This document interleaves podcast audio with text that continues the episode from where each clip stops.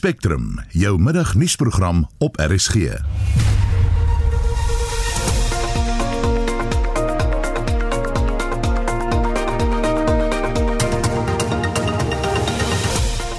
in die program kenners meen die 4de vlag COVID-19 infeksies sweep reeds deur Gauteng en ons vind uit of die syfers dit staaf. Mense verloor al hulle werk omdat hulle nie wil inent nie. Dis nie die roete wat ek wil gaan nie. Ek wil nie weggejaag word na my werk nie, maar as dit die roete is wat wil gaan, dan moet ek net maar gaan en dan fight ons dan maar die fight van daar vorentoe. 'n Nuwe navorsing wys huishoudings kan hulle skuld beter diens as in die verlede. Goeiemiddag, ek is Susan Paxton.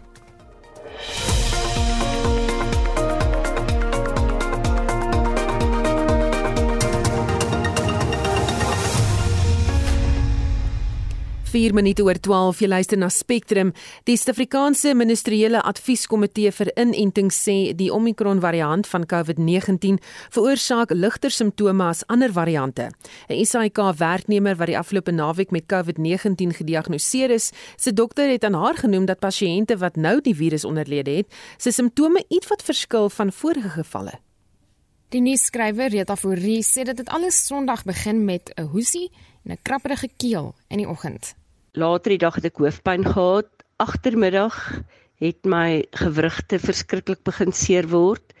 Ek het 'n geweldige moegheid ondervind.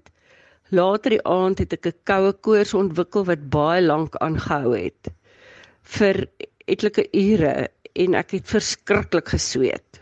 Die volgende dag is ek dokter toe. Eers bietjie later deur die dag want ek kon nie die oggend uit die bed uit kom om vroeg genoeg dokter toe te gaan nie. Ek het my simptome aan haar beskryf en toe ek aan haar noem van die baie seer gewrigte, die koue koors en die sweet deur die nag, het sy gesê dit is nogal van die simptome wat sy die laaste paar dae ook by haar ander pasiënte gekry het wat ook later positief getoets is of wat toe nou dadelik positief getoets is vir COVID-19. Voorie sê sy voel vandag heelwat beter en dat hoewel sy siek is, die simptome nie so erg is soos wat sy verwag het nie. Sy is volle ingeënt en moedig mense aan om die dokter dadelik te besoek indien hulle siek voel. Moenie wag nie. Hoe gouer jy by die dokter uitkom, hoe gouer jy jou medisyne kan kry, die nodige medisyne, hoe gouer kan jy die gogga stop. Moenie uitstel en dink dis sommer net 'n verkoue nie. Gaan asseblief dokter toe. Moenie hierdie ding los nie. Sorg dat jy so gou as moontlik aan hom aandag gee. Dit was Rita Fourie, 'n nuusskrywer by die SAK wat die afgelope naweek met COVID-19 gediagnoseer is. Marlene Forsie is SAK nuus. Die debat oor verpligte inenting teen COVID-19 woed voort, maar daar's reeds maatskappye wat afleggingsprosesse teen werknemers begin omdat hulle nie die enstof wil neem nie. Een van hulle wat op 'n anonieme basis met Spectrum gepraat het, moet waarskynlik in die nuwe jaar nuwe werk soek, weer Marlenae Forsie. Die bedreiging van aflegging is genoeg om menige werknemer daarvan te oortuig om die mou op te rol. Maar die man sê dit is sy reg om te kies of hy die enstof wil ontvang of nie. Dit is net eenvoudig gesê. Doen dit of jy moet basies hierdie maatskappy verlaat. Eenvoudig so dit. Hulle konsolideer met van die mense wat mediese redes het, maar dit klink nog steeds of hulle regtig wil akkommodeer nie. Dit klink meer asof hulle die houding het van as jy nie die maatskappy kan akkommodeer nie, kan die maatskappy jou nie akkommodeer nie. Ons het te doen met re relatief naby met mense, maar daar word maskers gedra, daar word gereeld gesanitiseer en so aan. Hy sê sy daarteen gekant dat ander mense die inenting ontvang nie en dwing ook nie sy mening op hulle af nie ek is nie 'n conspiracy theorist of 'n anti-vaxxer in daai opsig nie. Maar waarom word dit afgeforceer? Ek het my keer gekyk, ek het my navorsing, ek het self my besluit gemaak. Waarom word ander se opinie op my afgedwing dan? Ek het mos reg om self te besluit. Enige mediese kan ek sê treatment so en jy moet keuse wat jy wil doen en wat jy nie wil doen nie. Hy is enkel lopend, maar is steeds bekommerd oor wat die nuwe jaar vir hom inhou.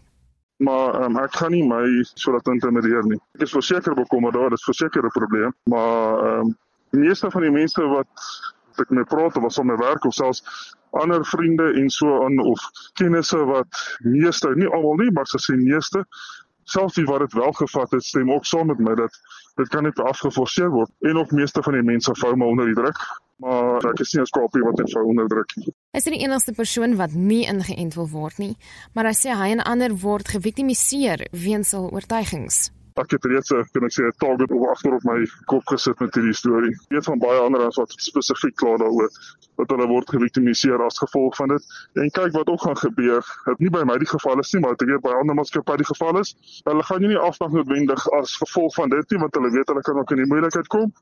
So jy soek 'n rede om ou af te dank. As ek 'n rede soek om ou af te dank, glo my ek gaan 'n rede kry om ou af te dank. Nie noodwendig in geval by my nie, maar ek weet van ander plekke waar dit wel die geval is. Dis iets waaroor hy sterk voel en dis een van die redes hoekom hy nie die enstof wil kry nie. Die oomblik wat iemand dit teenstaan, word daai persoon onmiddellik stil gemaak en word dit oral op sosiale media, oral te word die goeie onmiddellik geblok en en toegesmee. Nou waarom? As iets so gesensor word onmiddellik, is dit vir my 'n groot rooi lig. So ek het 'n immuunstelsel Ek verstaan die konsep van 'n vaksinne, maar ek het die opsies oorweeg en persoonlik voel ek as ek eerder die kans vat met my immuunstelsel te veg as wat ek die kans vat met die vaksinne. My persoonlike keuse, my reg om self te besluit. As jy boonop die onduidelikheid oor die doeltreffendheid van inentings teen die Omicron variant versterk sy opinie om nie ingeënt te word nie. Ons gaan hou by die tema, maar gaan ons ons kyk of ons nog steeds in die hande kan kry. Die verskeie vakbonde is ten gunste daarvan dat mense verplig moet word om ingeënt te word, maar die burgerregte organisasie AfriForum sê hy sal suits in die hof teenstaan. Dit volg na president Cyril Ramaphosa die afgelope naweek aangekondig het dat 'n taakspan die kwessie sal ondersoek. Nou 'n regsgeleerde van uh, die regsfirma Webber Wensel, Michael Evans sê daar is genoegsame bewyse dat die regering wel inenting verpligting kan maak vir mense om sekere openbare plekke te kan besoek. It's not so much whether vaccinations are mandatory, but making it mandatory in order to enter, as you say, a public place or a public event. And in my view, that is uh, legally permissible. And if it were to be challenged in court, it would almost certainly stand up to challenge. And the, the reasoning for that is, is clear. I think it's, it's been quite uh, commonly pronounced. Most of the arguments against that that have been around issues of freedom of religion, conscience, belief, etc., or around bodily and psychological integrity. And yes, those are rights that, that people do have, but those rights can be limited under Section 36 of the Constitution, and in many cases they have been limited, those sorts of rights. And when we have a situation now where public health and even the right to life of people in those public places is being exposed if people are not vaccinated, that would be then a very justified limitation unrelated to COVID. I mean, if, for example, you had parents who, for religious reasons, said their child didn't need a, wasn't allowed to have a blood transfusion, and if there was a risk of the child dying as a result of not having the blood transfusion, then the right to life of that child would certainly trump the right to freedom of religion of the parents. So that's just an example of the weighing up of the different uh, constitutional rights. Evans verduidelik die verskil tussen om mense te dwing om byvoorbeeld vir polio in te ent teenoor die COVID-19-enstof. Big difference between this and other illnesses is that this is a pandemic and we know that it's a pandemic. So we haven't for example, you know, said to people that they must have a flu vaccine that's not mandatory because we can't show that flu is a risk to their health. I mean, we've had in this country, as you know, officially 90,000, nearly 90,000 people dying, and, and unofficially, and I think this is a more accurate figure, a quarter of a million people dying from COVID. So we're in a very different situation in relation to COVID than we are in relation to other issues. I mean, people have raised the issue of HIV, for example, but we know that HIV is only an illness that's passed through sexual contact or, or blood interaction. It's not passed through you know, breathing and passing it on through the air. So, so COVID is in a very different position from others, and I think that's why, in this case, as opposed to any other vaccine, it would be mandatory in order to enter to public places. You know, another sort of very trite example would be cigarettes. I mean, the courts have held that I have a right to smoke in my home. It's part of my right to privacy and dignity and bodily and psychological integrity to smoke. I, I don't smoke, but I'm just saying that's a right that I would have. But I can't go into a public place and smoke. I can't go into a cinema or a restaurant and smoke because of the impact that that has on other people. And that's again a situation where you have that right, but it's a limited right when you get into a public place or into a public activity because of the impact it has on other people. Evans verduidelik hoe die taakspan te werk sal gaan om die kwessie te ondersoek. They'll need to pass a regulation under the Disaster Management Act to impose these obligations because what the limitations clause in the constitution says it must be the limitation must be imposed through a law of general application. So they would need to build it into the regulation that it's mandatory for, for public places, let's say hospitals, airports, gyms, restaurants, whatever they say, they would need to build that into the disaster management regulations to make it mandatory for the, the vaccination to be a requirement. En dit was Michael Evans, 'n regsgeleerde van die regsfirma Webber Wensel. Ons het weer vir Dr. Angelique Kutse op die lyn. Angelique, is jy daar? Ja, ek is hier. Daar sê voor ons so wreed onderbreek is, uh, jy weet, wat is die tipe simptome wat ons sien of is dit nog 'n bietjie vroeg om te sê dat dit anders lyk as uh, vorige variante van COVID? Nee, dit uh, wel, dit dit is 'n COVID ehm um, siekte, maar die kliniese beeld is definitief baie ligter as wat ons gesien het met die ander twee variante, veral met die ehm um, Delta. En uh die simptome is maar dieselfde as wat ons gesê het. Is maar uh jy weet die ouens kom met die die seer lyf, die hoofpyn en die moegheid. En dan um, kan ek gee partytjie effens toenees, uh partytjie effens hoes baie min um, nie vreeslike siek mense nie. En ek dink dit is waar die probleem lê want as hulle nie baie siek voel nie, gaan hulle die dokter sien nie of hulle gaan vir die dokter sit en die dokter dink hulle lyk nie siek nie en daarom gaan ons dan ehm um, COVID-19 mis en COVID-19 gaan verder sprei onder mense met wie dit nie moet sprei nie of wat dit nie moet kry nie. Maar ehm um, oor die algemeen is nou ons derde week waarmee ons sit en oor die algemeen herstel die pasiënte baie mooi. Ons het ek het nog niemand nodig gehad om op te neem nie. So ek kan ook nie sê hoe lyk ehm uh, erge COVID nie op op op uh op op om uh, Omicron nie want ons het dit nog nie gesien nie. Ehm um, ja, dit het ons voel nie lekker nie. Onthou net as ons sê dis mild disease beteken dit nie dat jy nie siekerig is nie, maar dit beteken uit uh jy, jy nie dodelik soos wat ons gesien het met die ander nie. Die hele prentjie mag versmaak vorentoe ehm um, verander, maar dit is wat ons nou sien. So wanneer is dit dan nou tyd om te toets? Nou binne as jy as jy as jy gisteroggend wakker geword het en jou keel is effens krapperig, effens seerig, nie vreeslik waar in jou neus is effens miskien loperig. Lyf verseer ek het 'n hoofpyn. Ek voel nie lekker nie. Ehm um, dis nie iets wat jy regtig jou hand op kan lê nie. Dis wanneer jy die volgende dag gaan en jy gaan toets 24 uur en jy gaan na jou dokter toe jou dokter moet jou ondersoek en seker maak en dan moet hy jou stuur vir 'n toets. Dis al hoe ons hierdie goed gaan gaan gaan bekamp want die pasiënt lyk nie dodelik siek nie. So dit kom nie altyd in die dokter se kop op dat jy moet die pasiënt toets nie. So binne hoe lank? Ten minste 24 ure. Dit help nie jy staan voor oggend op met jou keel wat vir oggend vir die eerste keer seer is en jy voel so 'n bietjie onder die weer nie en jy hardloop binne 3 ure so dokter toe om te toets nie. Dis bietjie vinnig op die op die op die rapid toets. Maar as jy 24 uur later inkom, dit staai rapid toets ehm um, en as negatief of dan sy negatief en sy positief is dit definitief positief. As jy wat onsekerheid oor die doeltreffendheid van die huidige enstof teen die Omicron variant, is hierdie vrese geldig? Wat ek kan net ehm um, kommentaar lewer op dit wat ons sien en ek wil sover gaan om te sê dat die ouens wat gevaksinneer het wat ek sien en hulle uh, um, en is gewoonlik die vir al die ouer pasiënte wat deurbraakinfeksies kry baie baie baie ehm um, of nie baie maar maar het al het maar simptome of matige simptome soos ons sê. Hulle kom ook vinnig hierdeur dit ehm um, ons uh, die gaan nou begin ontstaan want hierdie jong klomp jong mense wat nie gevaksinneer is nie wat hierdie virus ons gaan sprei gaan om na ouer mense te sprei wat ook nie gevaksinneer is nie en daai is die groep wat ons oor bekommerd is want ons weet nie hoe hulle gaan presenteer nie. So hulle gaan begin inkom hierso binne die volgende week week en 'n half want as dit normaalweg hoe jy dit sien is jy sien jou jong groep mense eerste en dan begin die ouer groepe inkom. So vir die ouens wat gevaksinneer is, ehm um, het ek uh, het ek regtig baie hoop vir as jy nie gevaksinneer is nie, op hierdie stadium kan ek nie vir jou sê wat hoe jy gaan reageer nie. Ek kan jou wel op die ander antwoord. As baie mense wat sê hulle wil juis nie nou inent nie omdat hulle eers wil sien of die enstof teen die nuwe variant werk. Dink jy dis 'n goeie strategie? Weet weet jy ek ek weet glad nie waar hulle aan hulle strategie kom nie. En weet jy op hierdie stadium ek het jou vorige spreker gehoor wat sê dit is sy reg en dan niemand gaan vir hom dwing om gespuit te word nie en ja dit is sy goeie reg maar ongelukkig in 'n pandemie is jou reg tweede tot wat die reg van die van die res van die gemeenskap is. Ehm um, en ehm um, as jy wil op die draad sit en jy is 50 jaar oud en jy het klomp kroniese siektes, ehm um, dan is dit jou keuse. Maar ek sê vir julle, ek gaan net weer waarsku, die hospitale gaan vol vorentoe voller word. Ons het net soveel beddens. So as jy dan daai siekte kry, jy kry nie 'n bed nie.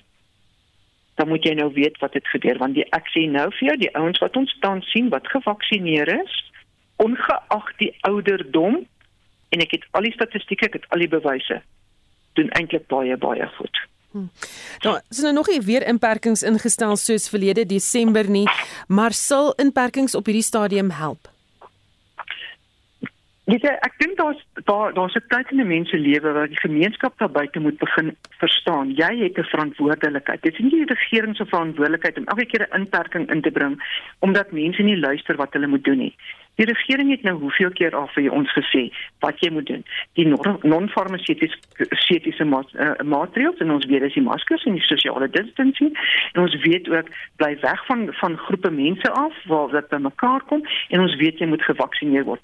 So as die as die land nie dit doen nie, dan moet hulle nie um, verwag dat die regering kan dan stil sit en nie sterker beperkings inbring soos meer mense geïnfekteer raak en ons hospitale vo vorentoe voller gaan raak nie. Let wel, sover minimum mense wat gevaksinereer is uit my kamers uit, nie een wat opgeneem is nie.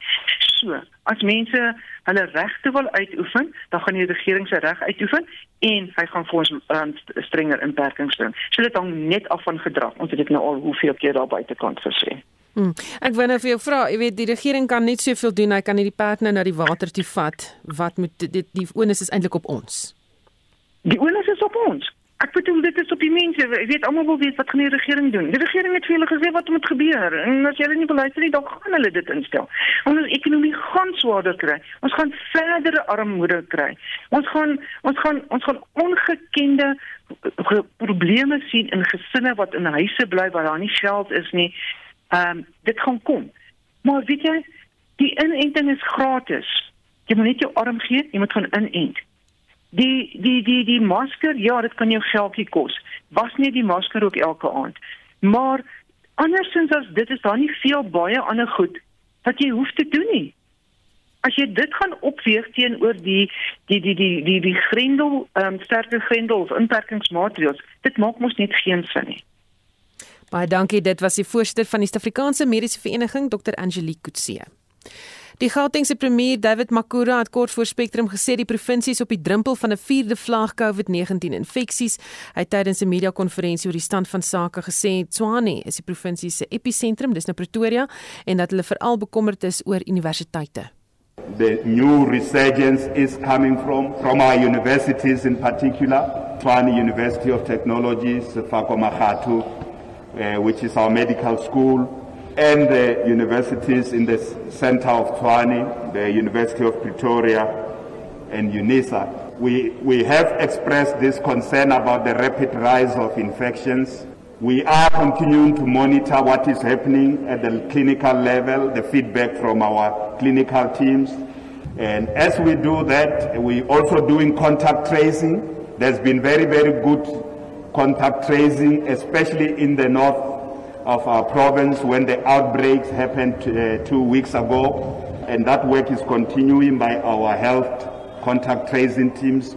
We have also increased the number of contact tracers to help us uh, track down uh, this. It is already clear that those who are not vaccinated, especially amongst the youth, are the ones of great concern to us.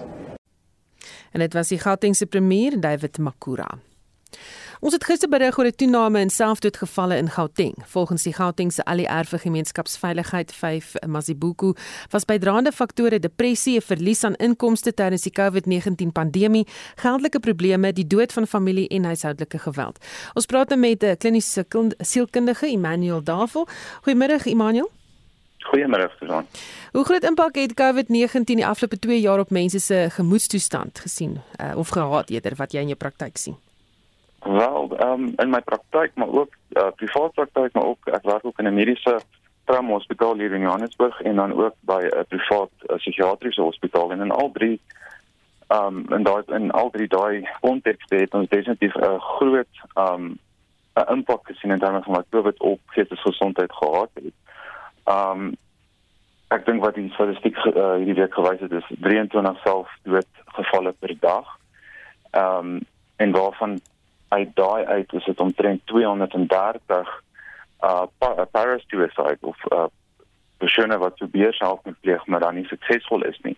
En dit het dan ook dit het 'n rol aan effek dan op families waar die persoon oorlede is, maar dan ook ehm um, dit het 'n effek op waar pasiënte inkom en dan in die hospitaal opgeneem word en dan in veral in 'n in 'n in die pandemie waar ons dan sien ons waar ICU beddens dan wat vir COVID pasiënte moet gaan dan ook uh, moet geallokeer word vir uh, pasiënte wat weer selfmoord pleeg het. Um, so dit het definitief 'n verskriklike groot impak gehad. Um, en in Suid-Afrika uh, daar is meer meer mense benodig geestesgesondheid, maar slegs 1 in 10 het toegang tot tot die uh, tot tot enige uh, mental health. Uh, in die staatsdiens is daar heeltemal te min sielkundiges en psigiaters om die groter bevolking um uh te, te te help, maar ook selfs in in die private sektor uh, as gevolg van finansiële faktore mense mense kan nie dit bekostig om om om psigiaters of sielkundiges te sien nie maar ook mediese fondse uh, ook uitgeput en kan nie altyd uh, mense kan dan ook nie altyd um deur hulle mediese fondse um die sielkundiges en psigiaters gaan sien nie. Hm. Volgens die statistiek pleeg meer mans selfdood. Hoe spreek mense dit aan? Maar ek dink dit is ook dis ook bietjie meer kompleks en ek dink dit is altyd uh, 'n uh, baie sensitiewe uh, onderwerp en wat wat baie steeds vir families. En elke elke geval moet moet ook in konteks en moet dit uniek na dit gekyk word want die faktore wat wat tot tot so iets tot 'n selfdoodgeval lei is is uniek. Um maar ja, vier keer meer mans as vrouens in in die samelewing tans dit op pleeg uh selfdood. Um maar ek dink ook dit dit spreek tot 'n groter um soos ons sê uh societal um faktor in terme van hoe, hoe mans groot groot gemaak word en ons sê dit al baie jare. Mans word van kleins af geleer um dat hulle moet sterk wees, hulle hulle mag nie emosie wys nie. Uh as mens emosie wys, um dit is dis gelykstaande aan swakheid wys. Um en dis pas dit mans met dit is in Engels sê met shame. Hulle kan nie hulle kan nie reg sê hoe hulle voel nie want hulle hulle is bang dat um dat dit gesien sal word as swakheid.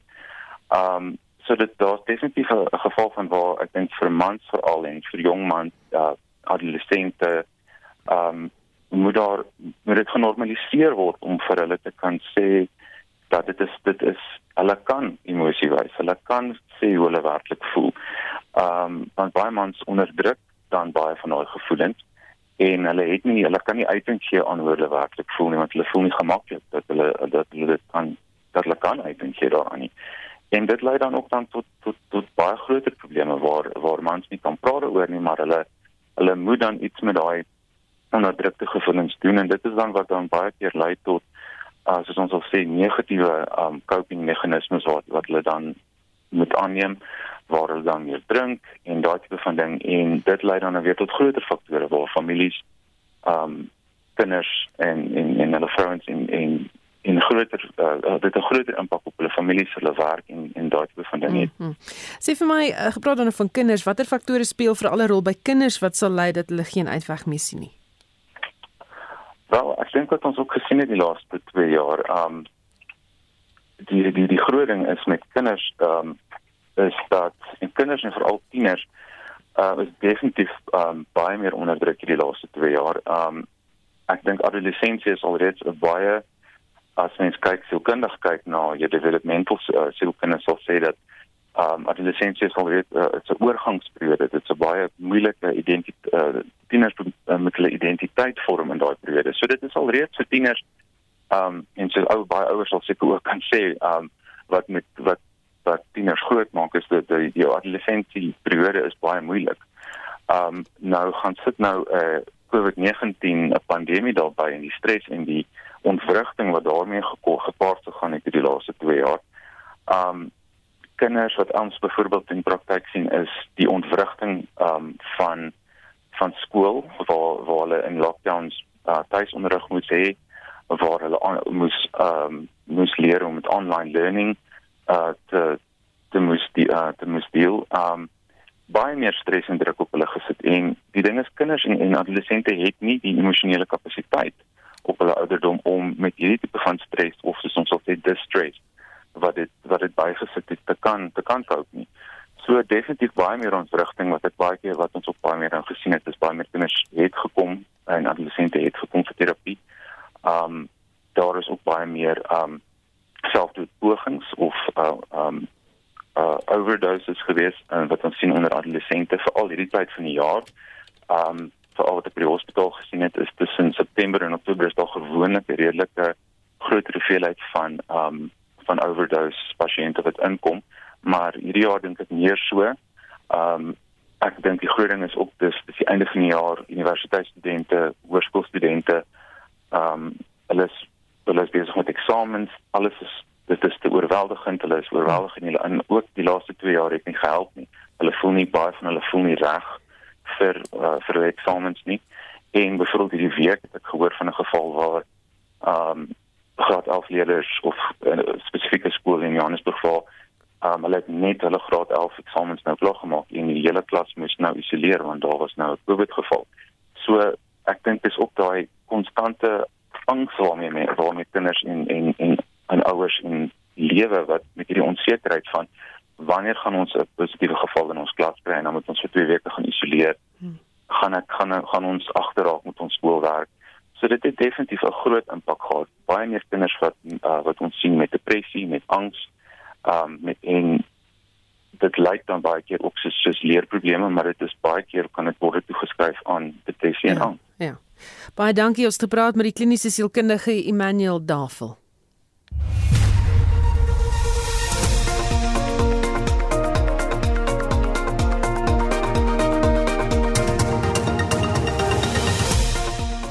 In die volgende halfuur van Spectrum, pas op wat jy kwytraak op sosiale media.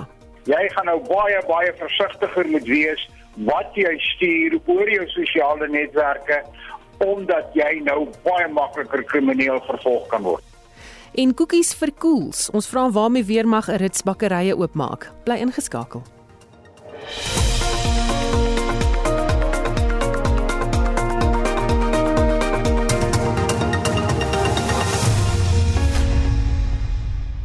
Ten spyte van die pandemie en die impak op mense se inkomste is daar 'n tendens dat huishoudings hulle skuld beter kan diens as in die verlede. Dis volgens die jongste Altron Fintech huishoudelike indeks van finansiële stabiliteit en ons praat nou met die ekonomiese raadgewer van die Optimum Beleggingsgroep Dr. Rolof Botha hier oor. Goeiemôre Rolof. Goeiemôre julle. So wat is die doel met die Altron Fintech indeks en wat kan 'n mens uit die tweede kwartaal se resultate aflei?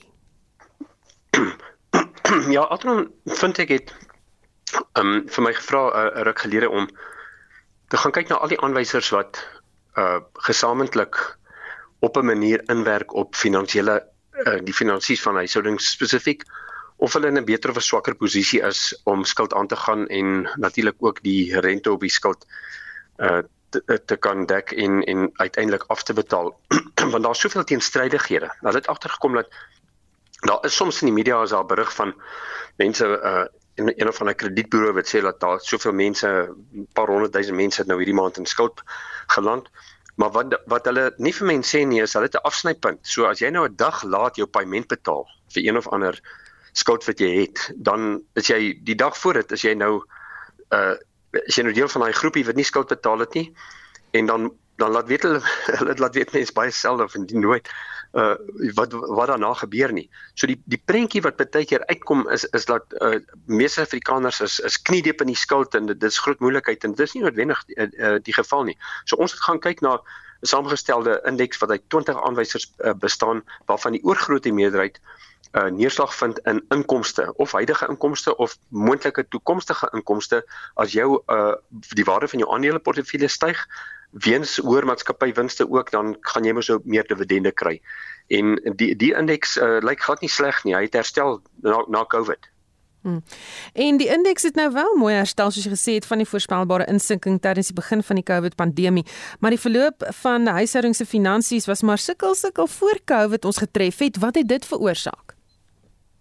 Ja, ons sien baie duidelik dat was daar daar was deurlopend eintlik 'n mooi stygings in in hierdie wat wat wat ons noem die die mens kan maar sê die van finansiële standvastigheid van jou mediane huishouding in Suid-Afrika. Ehm um, en toe dit begin afplat afplat afplat en een van die hoofredes daarvoor is die ge, gebrek aan vertroue in die ekonomie, die ehm um, swak groei in uh in nuwe indiensname want twee van ons grootste aanwysers is totale salaris, salaris en lone in die, in die ekonomie en natuurlik ook in diensname in die private en openbare sektor sektore.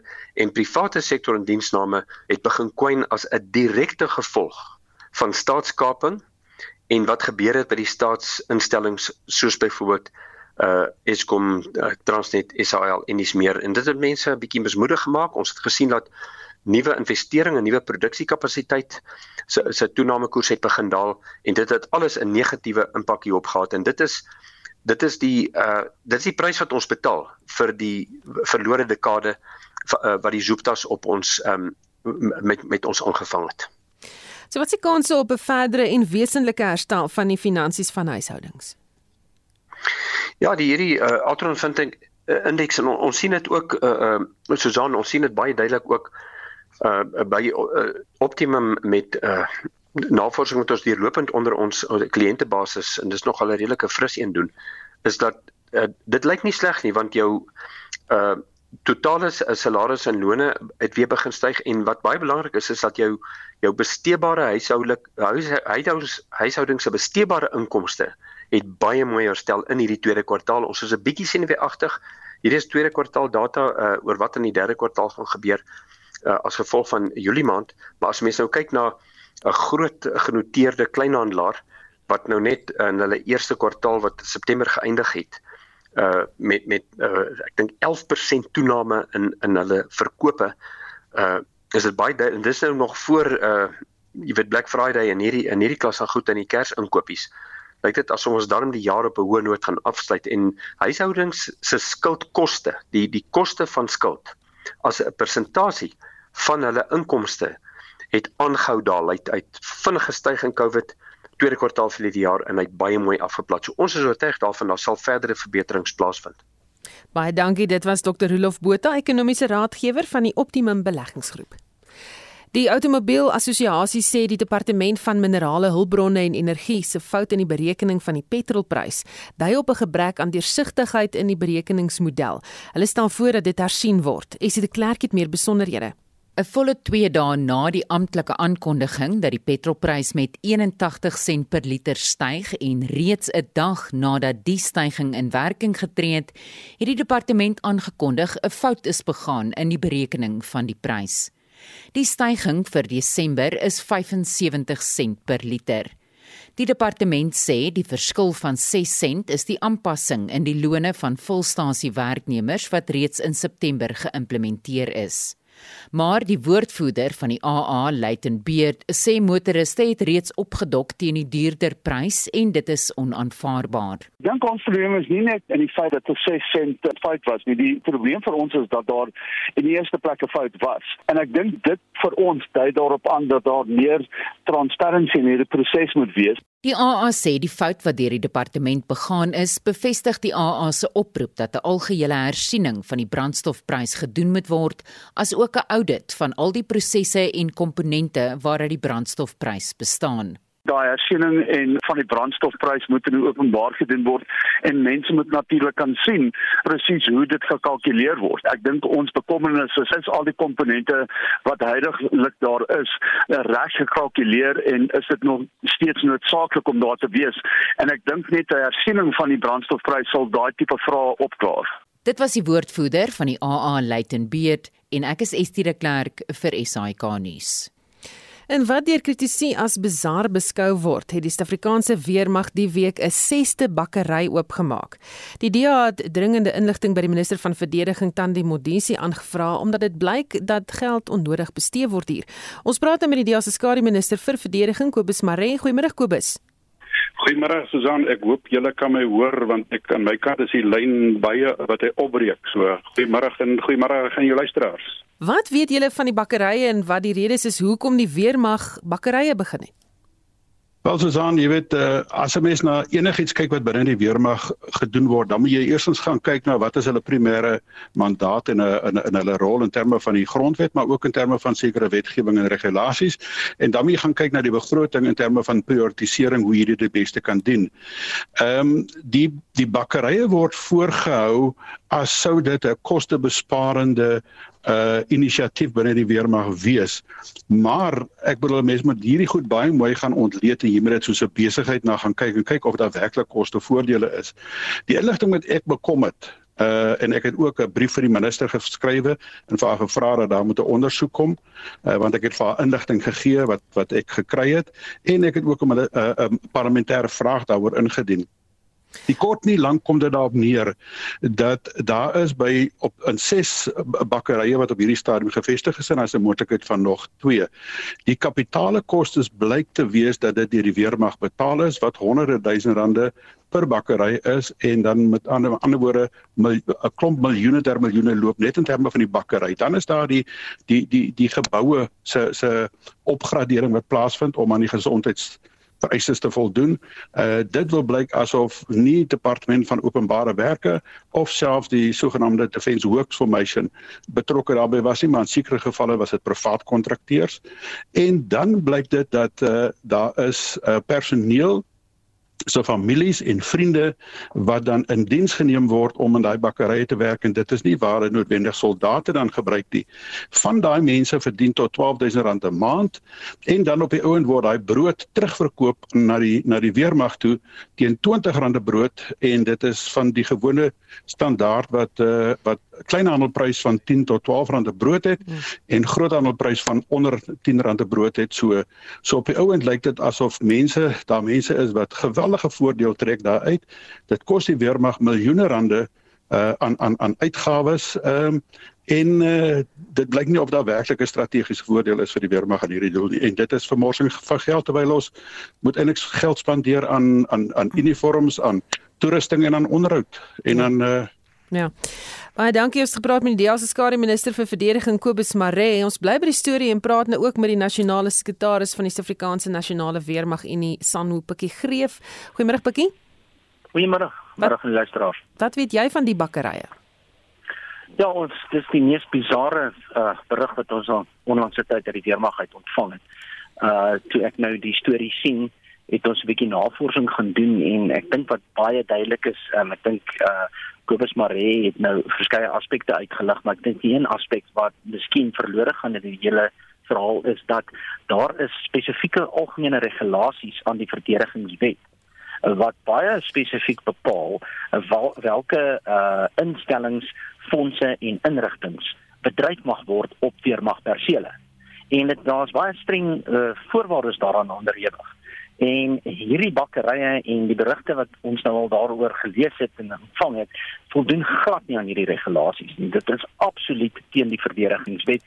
En dan praat ek nou nie eers van wat uh meneer Marie aangeraak het in verband met, jy weet, uh die die opgraderings en die nepotisme wat blyk aan die gang te wees en die hele geheimhouding of ge, uh, gordyn van geheimsinnigheid wat blykbaar uh, getrek word oor wie nou eintlik die bevoordeeldes is, is in hierdie aangeleentheid. Ek dink die kort en lank van die storie is dood eenvoudig dat die weermag se mandaat is nie om uh voedsel te vervaardig op enige vlak uh, uh, uh nie nie eens vir homself nie.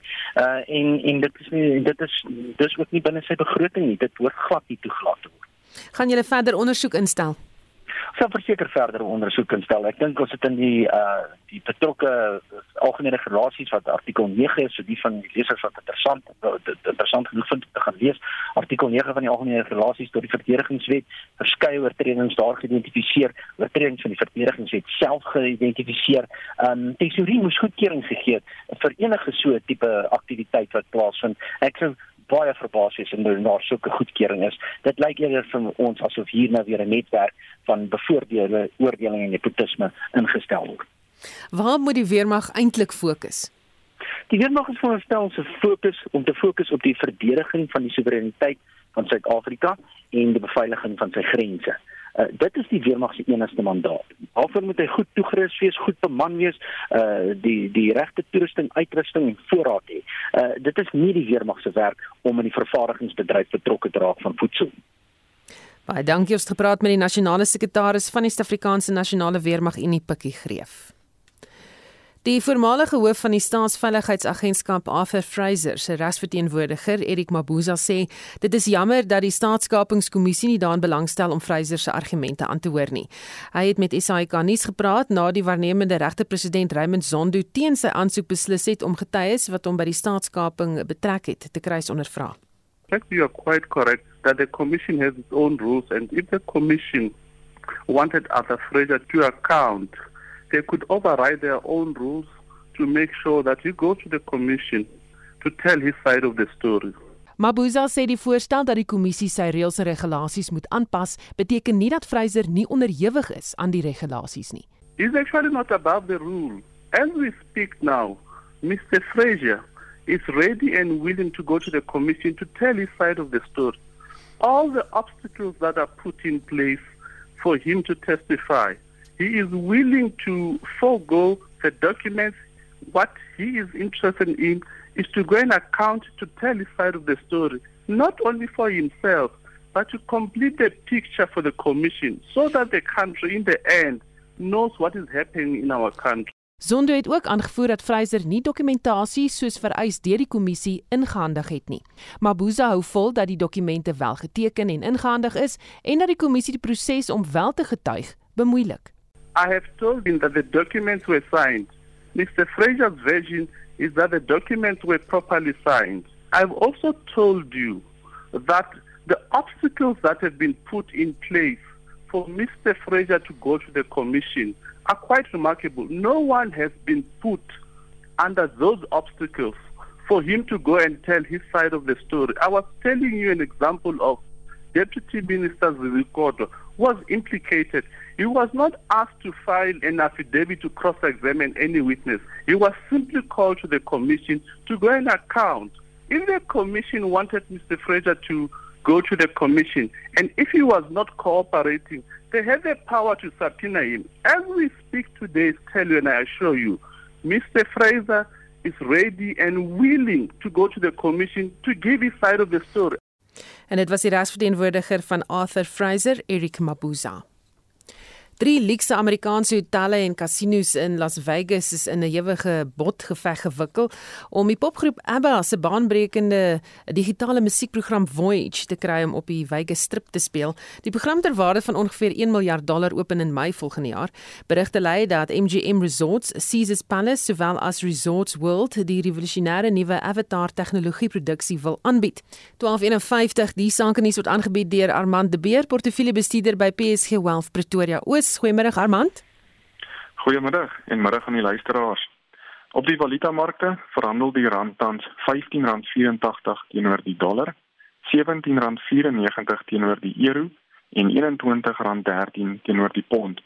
As ons kyk na kommoditeite, staan die goudprys tans op 1775 dollar per fyn ons. Die platinumprys staan op 946 dollar per fyn ons en die olieprys staan op 70.32 per vat. Op die internasionale front het markte in Asië hoofsaaklik laer gesluit vanoggend en skerp dalings in tegnologie-aandele plaas druk op Europese markte nadat Apple komponentverskaffers waarsku dat die vraag na sy iPhone 13 reeks verlangsaam. Die onsekerheid oor die nuwe Omicron COVID-19 variant en die veranderinge van Reserwebank monetêre beleid plaas ook verdere druk op markte. Tans verhandel die FTSE 100 0,6% laer, die Franse CAC 40 verhandel 0,9% laer en die Duitse DAX verhandel 1,2% laer. Op die op die plaaslike front daal ons mark effens vandag en die JSE algehele indeks verhandel 0,1% laer op 71160 punte. Onder die swaargewig maatskappye in die indeks styg Naspers en Prosus beide met 0,2% Anheuser-Busch verhandel 0,1% hoër, British American Tobacco daal 0,3% en Richemont verhandel 0,6% laer. Dit is 'n stil dag wat maatskappynuus betref. As ons kyk na die indekse, verhandel die Hulbron indeks 0,2% laer met Anglo American plc en Glencore wat onderskeidelik daal met 0,7% en 0,3%. Goudmynbou aandele is ook onder druk met Anglo Gold Harmony en Goldfields wat almal rondom 0,4% uh ekskuus tog rondom 4% laer verhandel. Die nywerheidsindeks daal met 0,1% en die finansiële indeks verhandel 0,2% hoër met die banke wat sterk vertoon nadat Standard Bank, Nedbank en Absa almal meer as 1% styg. Onder die wenners vandag styg Royal Bafokeng Platinum se aandeleprys met 4%, Sasol styg met 3,2% en Bidwest verhandel 2,9% hoër. Onder die verloorders daal Hammerson plc met 2,4%, Northern Platinum verhandel 1,9% laer en Vale World daal met 1,8%. Dis al van my kant af, daarmee die einde van die sake nuus. En die sake nuus is aangebied deur Armand de Beer, portefeuljebestuurder by PSG Wealth Pretoria Oos. Jou woorde kan jou in die tronk laat beland, so bepaal die wet op kubermisdade wat gister in werking getree het. Die stuur van sekere boodskappe op sosiale media is nou onwettig. Professor Basie van Solms van die Universiteit van Johannesburg se Sentrum vir Kubersekerheid het vanoggend op Monitor meer duidelikheid hieroor gegee. Byvoorbeeld, die stuur van 'n boodskap aan 'n oor 'n kollega waaraan jy sy persoonlikheid aantas, is nou 'n kriminele oortreding die stuur van 'n boodskap vir een skoolkind na 'n ander skoolkind waaraan hy geboelie word of sleg gesê word is nou 'n kriminele oortreding. Van tevore moes jy sulke dinge met 'n lang pad met krimineel probeer vervolg. Nou is dit direk daar. Jy gaan nou baie baie versigtiger moet wees wat jy stuur oor jou sosiale netwerke omdat jy nou baie makliker krimineel vervolg kan word. Op wie is die wet dan van toepassing?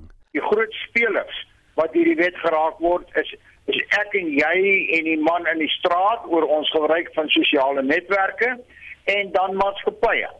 Maatskappye moet elk enige poging wat aangewend word om hulle stelsel te kraak of as hulle uitvind dis iemand wat in hulle stelsel ingekom het, moet hulle dit onmiddellik aan die Suid-Afrikaanse Polisie Diens rapporteer terwyl dit vroeër nie verpligtend was om dit te rapporteer. Die vraag bly egter wie gaan dit polisieer? Ek is redelik lank betrokke by hierdie wet. Hy is seker al vir 3, 4, 5 jaar of meer wat hy in wording is. En dit was nog altyd my probleem. Ons in Suid-Afrika het 'n groot gebrek aan kuberkundigheid.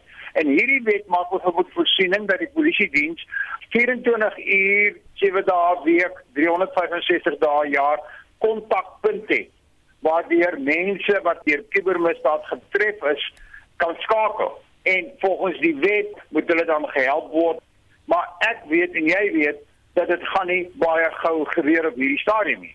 So dit skep al 'n valse verwagting sou ek dink by die eindgebruikers by my en jou wat ernstig in hierdie land van Suid-Afrika slagoffers is van kubermisdaad.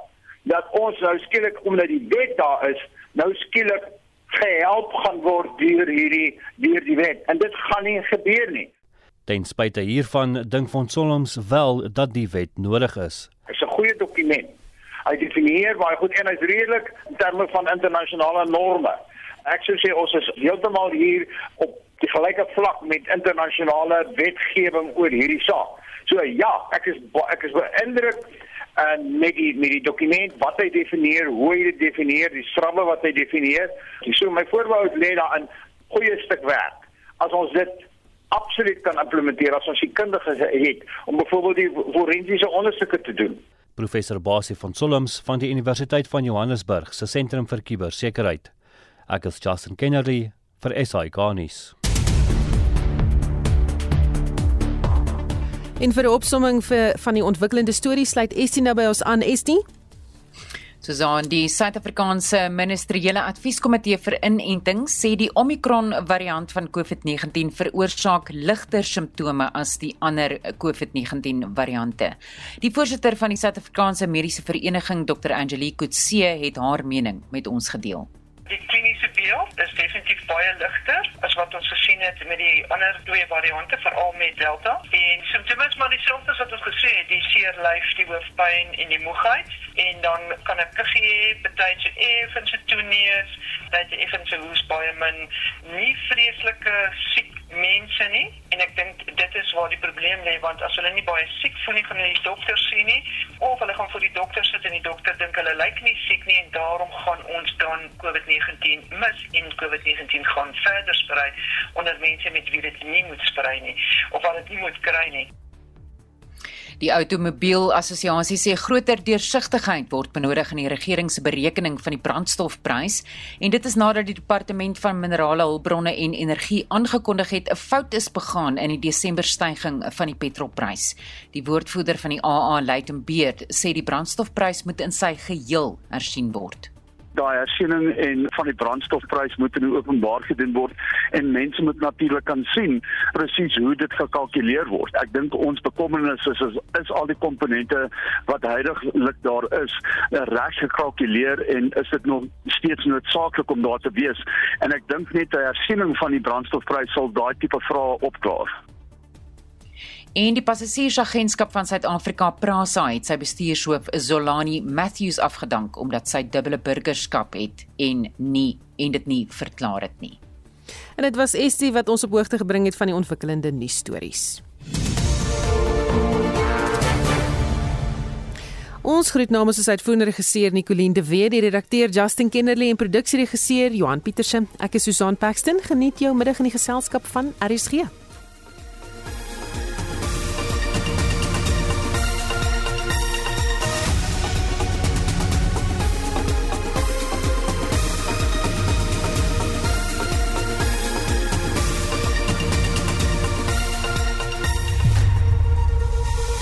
SAK nuus.